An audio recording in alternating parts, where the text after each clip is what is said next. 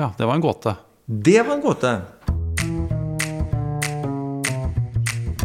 Ja, Geir Selbekk, velkommen til den første aldring- og helsepodden. Takk. Hvorfor skal vi ha en eh, aldring- og helsepod, tenker du? Det er, jo, det er jo en sånn bølge vi skal henge oss på, da. ikke det? Altså Alle podder jo for tida. Eh, og så er det kanskje slik at eh, akkurat den målgruppa og det temaet da, om aldring ikke er det som er blitt mest belyst i, i podder. Det var et sånt litt mer ungdommelig eh, preg på mye av det, i hvert fall. Så jeg tror kanskje det er eh, åpning for at eh, det kan ha noe for seg å også lage en pod på dette området. Eh, og, og først, hvem er du, Geir?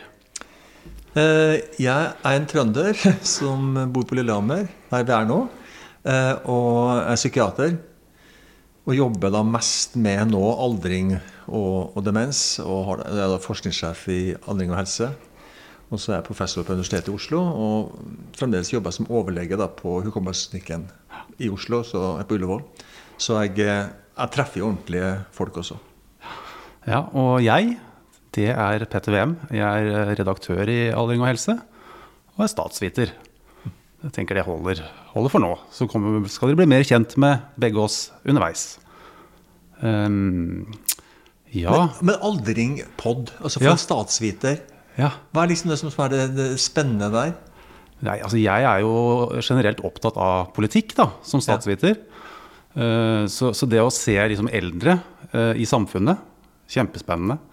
Eh, Og i forhold til liksom hvordan mediene dekker eldre. Er, altså dekker mediene eldre skjevt? Har vi noen holdninger til eldre som vi kanskje må justere på? Jeg tenker at dette er noe som vi kan komme inn, inn, inn på? Og, og engasjere lytterne. Få med oss lytterne. Uh, send inn spørsmål. ikke sant? Hva er dere engasjert i der ute? Jeg tenker at staten, da, altså, som statsvitere kan mye om Staten er jo sikkert veldig interessert i de eldre og blir mer og mer interessert i det etter hvert som tida går.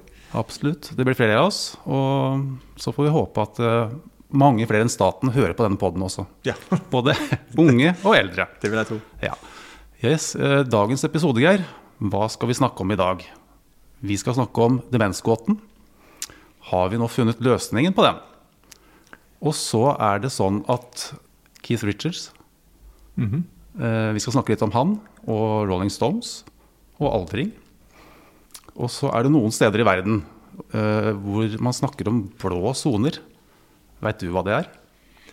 Ja, altså, jeg vet jo det fordi jeg har fått eh, tips om at det finnes. og det har fått mer og mer fokus. Eh, Det, bakgrunnen er jo egentlig at det bare er noen, en som søla blå tusj ned på et uh, ark når de skulle prøve å finne ut hvor folk levde lenge. Og så fikk det det her navnet Blue Zones, eller Blå soner. Uh, og det er jo egentlig sånn et fint navn, syns jeg. Det, det passer egentlig med innholdet. Det, er, det kan komme tilbake til da, At det er noen sånne soner som har en spesiell farge. Og, og blå er egentlig et ganske godt valg. Og så får vi håpe at vi kan kanskje lære noe av det, da. Det er jo, det jo steder hvor folk lever ekstra lenge og har, noen, har en livsstil, kanskje. Kanskje vi kan gi noen råd? Hva vet jeg? Ja, du, snakker om demensgåten først. Aldringsgåten er kanskje enda større. Og den bruker man jo alle midler, nærmest, for å prøve oss å løse. Ja. Så det, det skal vi komme tilbake til. Men først eh, skal vi se på demensgåten, da. Mm. Og det store åpne spørsmålet er hva er demensgåten? Ja, for det første så er det ikke én gåte. Eh, Jeg vet ikke hvor heldig det er å bruke det betegnelsen, egentlig. Altså, det er en sånn slogan som kan fungere. Altså Vi skal løse demensgåten. La, oss løse demensgåten. Og så er det nok sånn at det er ikke én demensgåte. På samme måte som det er ikke én kreftgåte. Så um, i beste fall så kan vi løse deler av det. Eh, og hva mener jeg med det? Altså, det vil da si kanskje kan man løse noe av gåten knytta til Alzheimers sykdom, som er den vanligste sykdommen som gir, gir demens. Eh, for noen på et visst stadium i livet. Men så vil det da dukke opp nye gåter når folk blir eldre. Og det er nye gåter forbundet med andre sykdommer som kan gi demens. Så, så akkurat det, det er et sånt slående uttrykk, demensgåten, men det er et veldig sammensatt innhold, og det gir ikke mening å si at vi skal løse demensgåten. Det gjør det ikke. Men når du sier, eh, sier det, så, så har det jo skjedd noe på demensområdet. Bl.a. i forhold til medisiner. Eh, mange har kanskje hørt om bremsemedisiner, men nå snakker man også om eh, kurerende behandling for eh, Alzheimer. Eh, si litt om det. Ja, altså de siste årene Jeg bruker å si at det har skjedd mer på de siste par årene enn på de foregående 20. Det er, det er spesielt. jeg- ja, og det tror jeg det er greit å ha det. Da har man orda i behold, egentlig. Eh, og et, et område som har skjedd veldig mye på, er det her kunnskapen om hvordan man kan forebygge demens. Men hvis noe går direkte på det, kan man virkelig behandle det i tillegg? Og da kurerende behandling. Du sa jo det her med bremsemedisin, som vi har hatt i over 20 år. Og de bremsemedisinene eh, de har for så vidt en viss effekt hos mange, da primært med Alzheimers sykdom. Eh, Men det er kun det vi kaller symptomatisk behandling. Altså det, det kan bedre noen av symptomene ved at du øker mengden av et stoff i hjernen som, som vi vet går ned ved, ved Alzheimers sykdom. Men det varer en kort periode, det fungerer ikke for alle, og effekten er ganske moderat, egentlig. Selv om det kan bety mye for, for noen.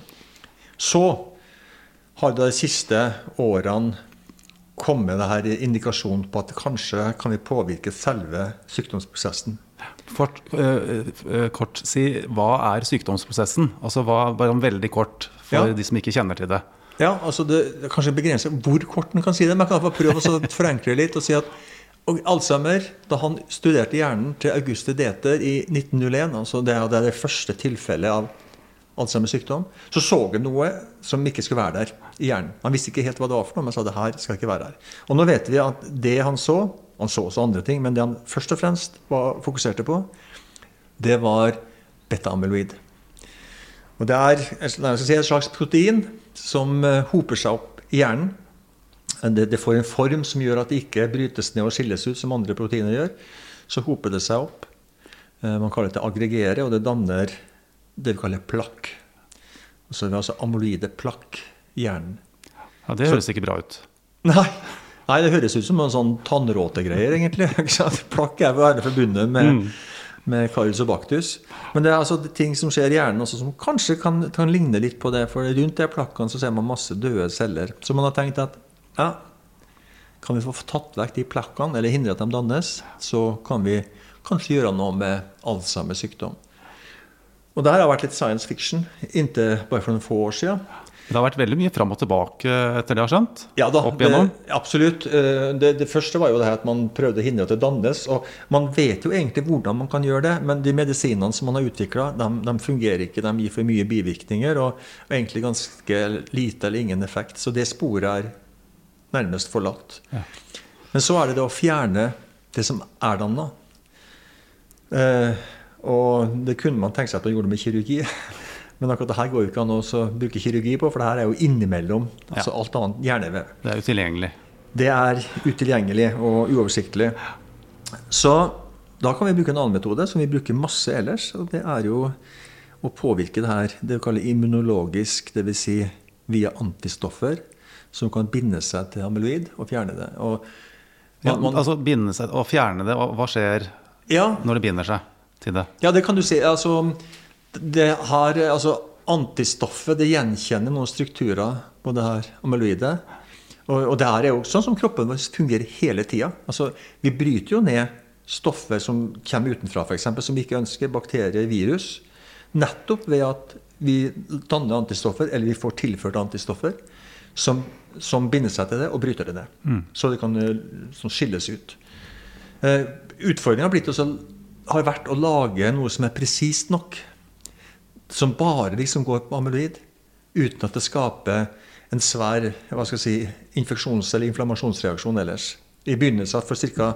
vel 20 år siden så greide man å få til et stoff som reduserte amyloid i hjernen, men det skapte da en så sterk reaksjon, immunologisk reaksjon, altså en hjernebetennelse, så man kunne ikke bruke det. Nå derimot, og nærmere bestemt 2016, så ble det produsert en studie i, i Nature som viste at man hadde laga det vi kaller monoklonale antistoffer. Altså som er helt spesifikke mot betamyloid. Og sensasjonelt, man fjerna betamyloid fra hjernen hos dem som fikk de her medikamentene.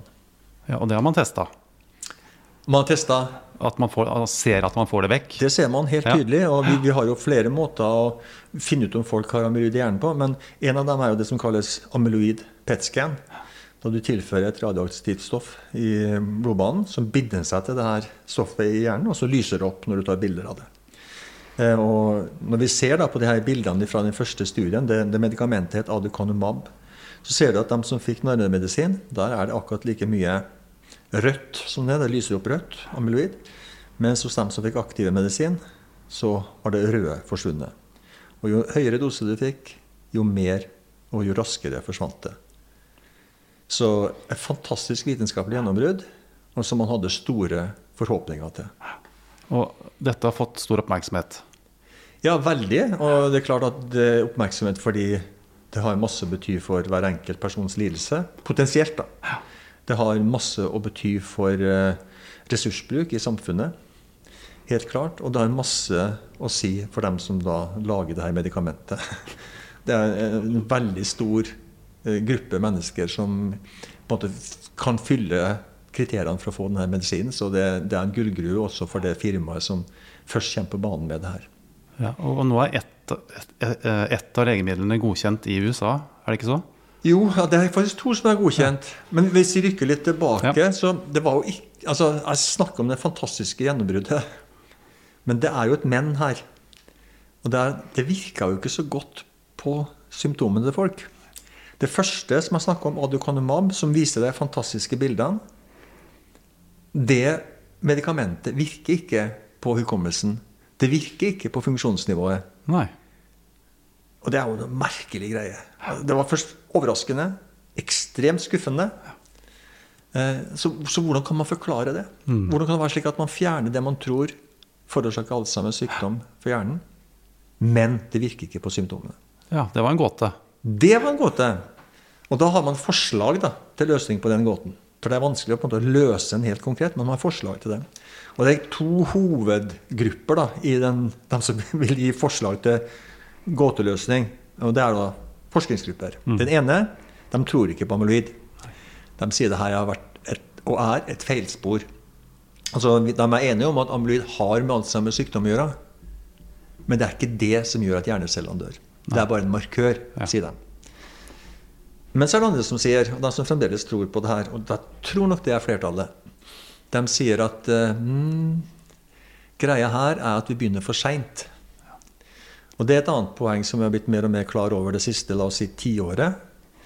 Det er at Alzheimers sykdom starter i hjernen, altså ved at da amyloid, eller beta-amyloid begynner å bygge seg opp, starter der 20-30 år før du begynner å huske dårlig. Ja, Det er så lenge, ja. Det er så lenge er det. Så se ikke bort fra at når vi nå som sitter her, kan ha en lite fnugg av amyloid i hjernen vår. I hvert fall jeg, da. Kanskje du litt. Eh, så da sier man at ok, hvis det har vært der i 20 år, da er det jo for seint å begynne å fjerne det. Mm. Da har kanskje satt i gang prosesser som, det, som, er det vi kaller det autonome, som da kan gå sin gang uavhengig av om amyloid fortsetter å være der. Mm. Og det er en del ting som kan tyde på det. Det er liksom en sånn kaskade av hendelser fra at amlid bygger seg opp, til at man i andre enden ser at nerveceller dør, og at man begynner å huske dårlig. Så det er de som tror på det her, de sier vi må begynne tidligere. Vi må gi denne behandlinga fem til ti år før man begynner å huske dårlig. Og Så kan vi hoppe til de medikamentene som er godkjent. Aducanumab ble faktisk også godkjent. Mm. Veldig kontroversiell godkjenning fordi det ikke hadde effekt på symptomer. Og i praksis blir ikke aducanumab brukt, fordi det er ingen forsikringsordninger som finansierer det. Nei. Men så kom lecanemab. Og lecanemab, en annen mab. Det er en annen mab. Alle er mabber. Mm. Mab er monoclonal antibodies. Ja. Altså monoklonale antistoffer. Så det er liksom gruppa. De alle slutter på en sånn mab. Uh, og den nye, da, lecanemab, den hadde faktisk effekt på symptomer også. Samme effekten på fjerning av amyloid, men i tillegg effekt på symptomer. Så det var et gjennombrudd? Det var et nytt gjennombrudd. Mm. Og den hadde effekt på alle typer symptomer. Ikke bare hukommelse, men hadde effekt på initiativ, på funksjonsnivå, på livskvalitet, på pårørendebelastning. Men fremdeles et men. Effekten er liten. Den er ikke mye større enn det vi ser ved de gamle symptombedrende Eh, medisinene, sånn som kolinestrasehemmerne som vi har hatt Altså over 20 år. bremse, bremsemedisinene. Det er de du kalte bremsemedisinene, ja. Så, så det er fremdeles litt skuffende. Og vi har fått enda et som nok jeg tipper også blir godkjent i USA ganske snart, som heter Donanemab. Eh, som har en tilsvarende, kanskje enda litt bedre effekt. Så veldig lovende, men fremdeles litt uklarhet rundt det her med effekt. Og så er det noen bivirkninger som vi kanskje kan komme tilbake til, og det er en kostnad som vi kanskje kan komme tilbake til. Men først og fremst er det en utfordring ved at man kanskje må sette diagnosen mye tidligere. tidligere. Ja. Og da må man ha diagnostiske hjelpemidler. Det må man ha.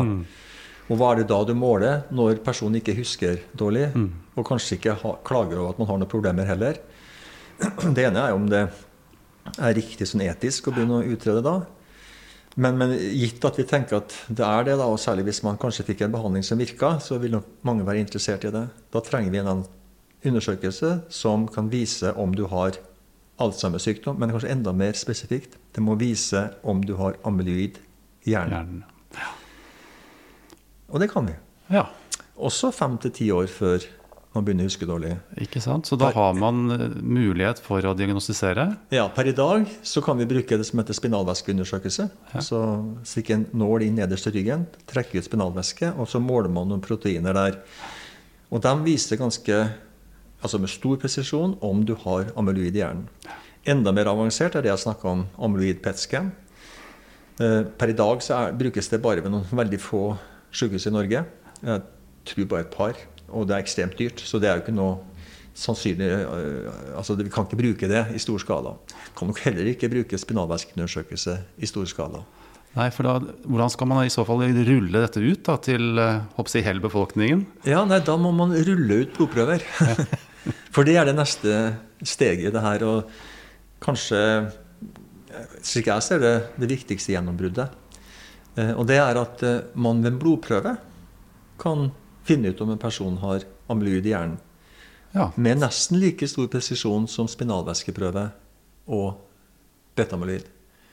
Og det vil jo eh, det vil revolusjonere diagnostikken. altså Du vil ha tilgang til like eh, bra, på en måte, bra, da, eller presis diagnose om du er i Båtsfjord, eller om du bor på Ullevål Hageby.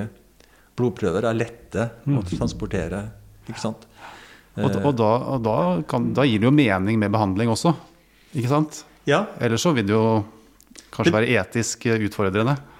Ja, det vil jo definitivt være etisk utfordrende, også per i dag. For det behandlinga det, er altså, Teorien er at det kommer til å virke hvis vi starter tidligere. Men hvis vi vet jo strengt tatt ikke det. Kanskje blir vi akkurat like skuffa over det også.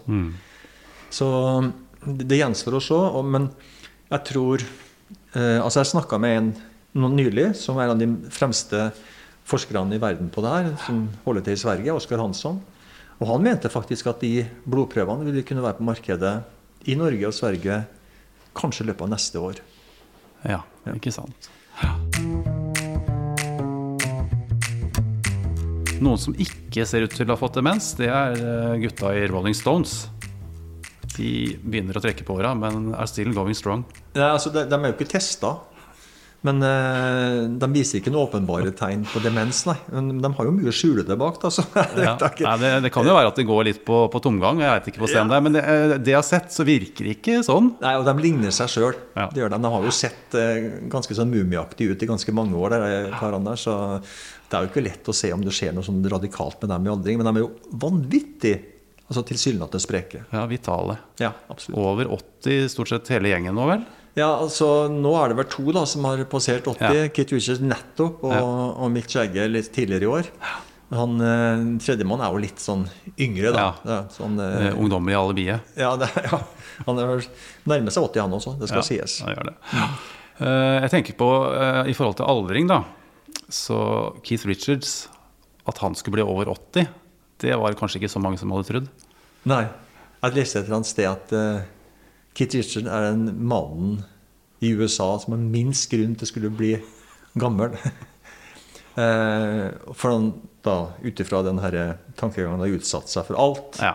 som eh, skal kunne tilsi at man tidlig får sykdommer og tidlig dør.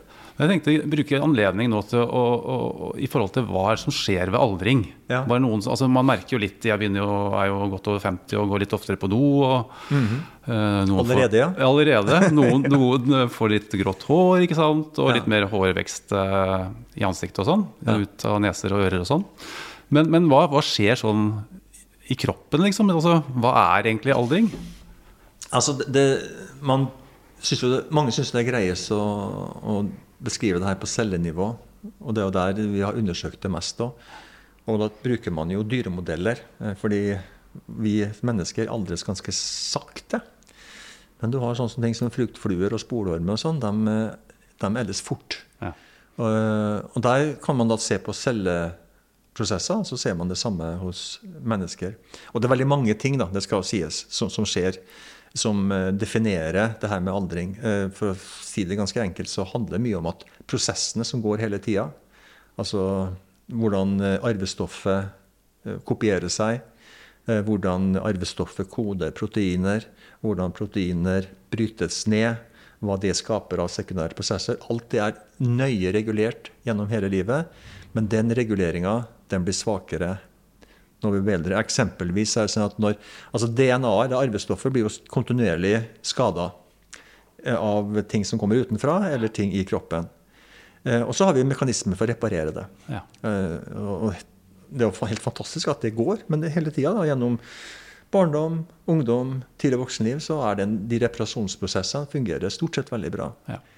Når vi blir gamle, så begynner det her å halte. Hos noen av oss halter det mye. Eh, Så nå, sa- nå eksemplifiserte jeg det bare med arvestoffer, men alle de andre områdene som jeg snakka om også, altså koding av proteiner, nedbryting av proteiner osv., eh, hvordan energisenteret i cellene fungerer, Ja. alt det blir litt dårligere. Ja. Og det kan du fortsatt måle, da. Så, så man er veldig opptatt av her finnes det noen slags sånn biologisk klokke som vi kan måle. Og han, han har ikke blitt enig om at jo, dette her, den målingen er den biologiske klokka. Men der er de flere ting som på en måte kommer opp da, eh, som mulige måter å måle aldring på cellenivå. ja. Men, så, men alt det her blir jo litt vanskelig å gripe. Så hvis vi da flytter det opp på kroppen da, Bra. Kjempebra. ja, ikke sant? Vi har hjerte, og vi har lunger, og vi har nyrer og sånne ting. Lettere å forstå. Da kan man også måle hvordan de organsystemene fungerer. Ja. Hjerne, hjerte, lunger, nyre. Og da kan man også skape en slags sånn biologisk alder. Eller altså beregne en biologisk alder. Så, så, så det er vel kanskje det som er lettest å gripe, og som det er gjort mye forskning på, og som viser at biologisk alder, definert ut fra hvordan de her organsystemene fungerer, det varierer veldig Ja. mellom folk. Ja. Og noe varierer fordi vi har levd på forskjellig måte, men noe varierer også fordi vi har helt forskjellig utgangspunkt. Kanskje har ting som har skjedd i fosterlivet betydning. Definitivt har genene våre betydning. Eh, Og man ser at midt i livet, hvis man ser på en sånn sammensetning av folk, så kan den biologiske alderen variere med opptil 30 år. Og der kommer vel også noe livsstil og Ja, den måten å leve kommer på. inn som, som en del av det, men uflaks er dessverre også en, en Ja. del av det. Ja. Så, så du kan si at kronologisk alder, da, Mm. som er liksom det vi forholder oss til Hva er din kronologiske alder? Den er 54. Ikke sant? Min er 60. Og så kan vi begynne å slåss om hvem som har den beste biologiske alderen. men, men, men det er jo, kronologisk alder er jo ekstremt urettferdig på en måte. For vi, vi må jo forholde oss til masse rettigheter knytta til vår Ja. kronologiske alder. Pensjon, som er det tydeligste her. Eh, For en person så, så er det helt måte, betimelig å tenke at man kan jobbe mange år etter man er 67. Ja. En, en person som kanskje skal være frisk og ha en biologisk alder rundt 60 opp til en 75. For en annen person så kan du ha en biologisk alder på 80 når du er 67. Du er utslitt og har ikke så mye mer å bidra med, og egentlig mer enn nok med dagliglivet. Hvis vi nå trekker dette til Keith eh, Richards, da, som Ja. har fylt 80. Det var der vi begynte. Ja, det var der vi begynte. Yes. Hva med han? Altså, han har jo alkohol, han har jo levd rockelivet. Sex, eh, drugs and rock'n'roll. Jeg vet ikke hva som har vært mest av de tre, men, men det har vært en del av mye av det. Ja, det, det stemmer. Det var det her livsstilsfaktoren du stadig ville komme inn på. Så jeg ble revet med av det andre. Nei, altså, for kan ta først av grunnen til at han ikke burde leve. Noen som beregner at han har røyka 500 000 sigaretter gjennom året. Han har røyka tett, altså. Og det er jo en av de sikreste faktorene for, for tidlig død. Er, Du tenker på eh, bandet rundt med passiv røyking også? Ja, absolutt. Eh, De, må, de håper de hadde god ventilasjon. Men de, de delte vel på røyking ganske lenge, Ja, da. de. Inntil Mick Jagger blir jo en helsefrik mm. til de grader. Han har vært det i mange år. Så det Ja, er egentlig til- ikke så rart. Til og med norsk PT har jeg lest. Ja, ja. Altså, ja. Absolutt. Mm. absolutt. Ja, han har eh, Personlig flere trener. personlige trenere, egentlig. En for yoga, en for kickboksing og en for, for jogging.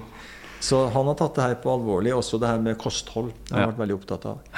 Men Kit Richard ja, han har røyka, altså han har drukket alkohol. Mm. Mye alkohol. Eh, Det er kanskje noen myter rundt det, men det, det hevdes med ganske stor sikkerhet at han drakk i hvert fall en helflaske sprit.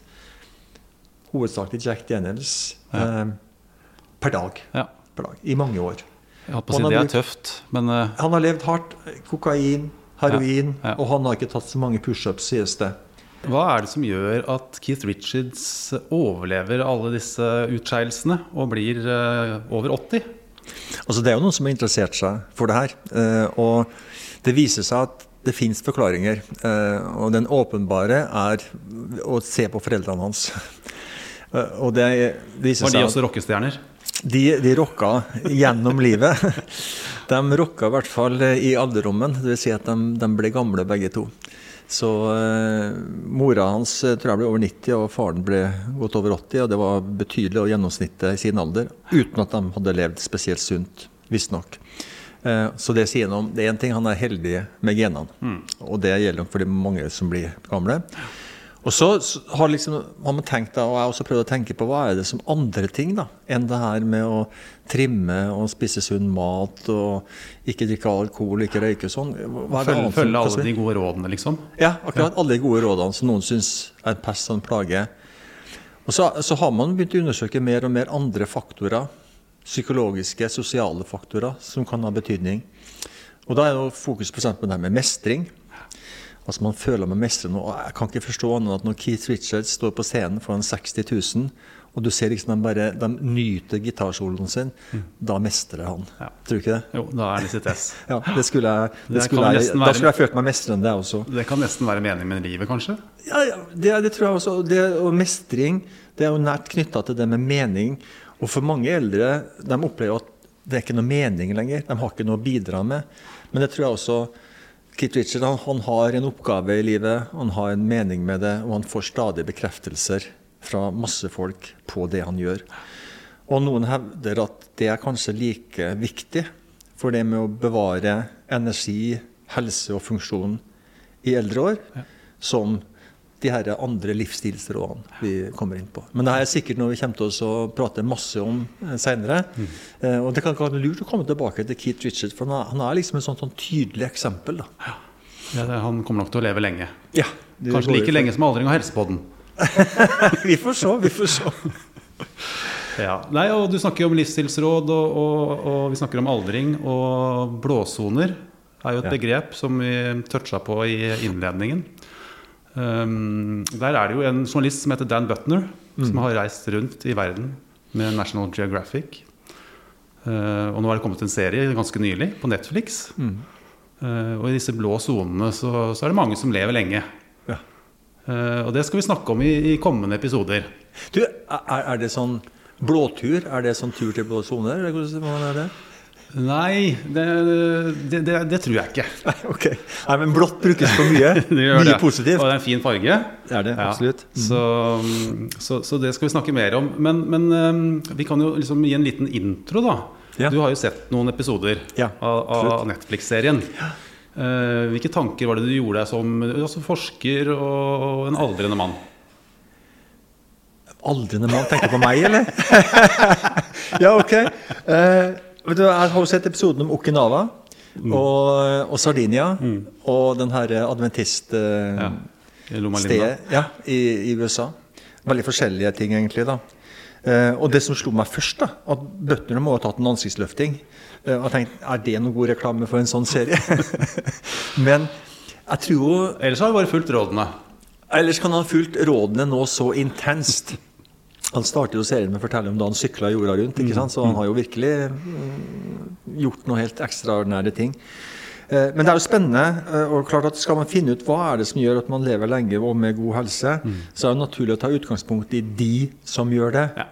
Og så er det her poenget da, Finnes det da noen steder der de hoper seg opp, de Det, det, det høres jo besnærende ut. Absolutt. Kanskje litt søkt, jeg vet ikke. Nei, altså, jeg vet ikke om du husker fra noen år tilbake. Jeg lærte jo når jeg for mange mange år siden, som du insinuerer, var ung, så lærte jeg at i Kaukasus ja, der ble man kjempegamle. Og, man, og det var fordi de spiste yoghurt. Ja, det, det har jeg også hørt. ikke Ja. sant? Det har liksom dødd litt bort. da. De, de kom ikke opp i Nei, det er litt blåsonediskusjonen. overraskende. Ikke sant? Det burde vi kanskje utforske. Hvor det er blitt av de kaukasierne Ja. som ble 140, eller hva de snakka om, fordi de spiste yoghurt. Ja, når det er sagt, så er jo Bøtner er jo opptatt av kosthold, blant annet. Ja, Det kommer igjen i hver eneste episode.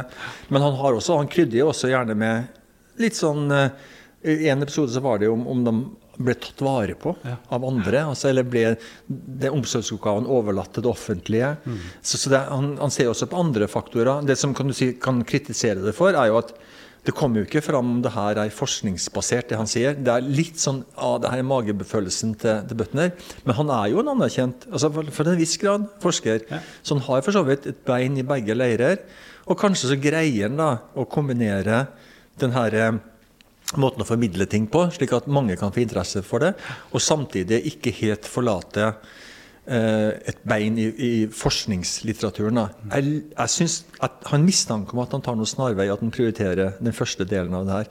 Men det er jo noe som vi virkelig kan diskutere, hvis jeg skal gå litt nøyere inn på om det en, finnes sånne blåsoner, og to, hva er det som karakteriserer dem? Er det noe i vannet, eller er det noe i måten folk lever på?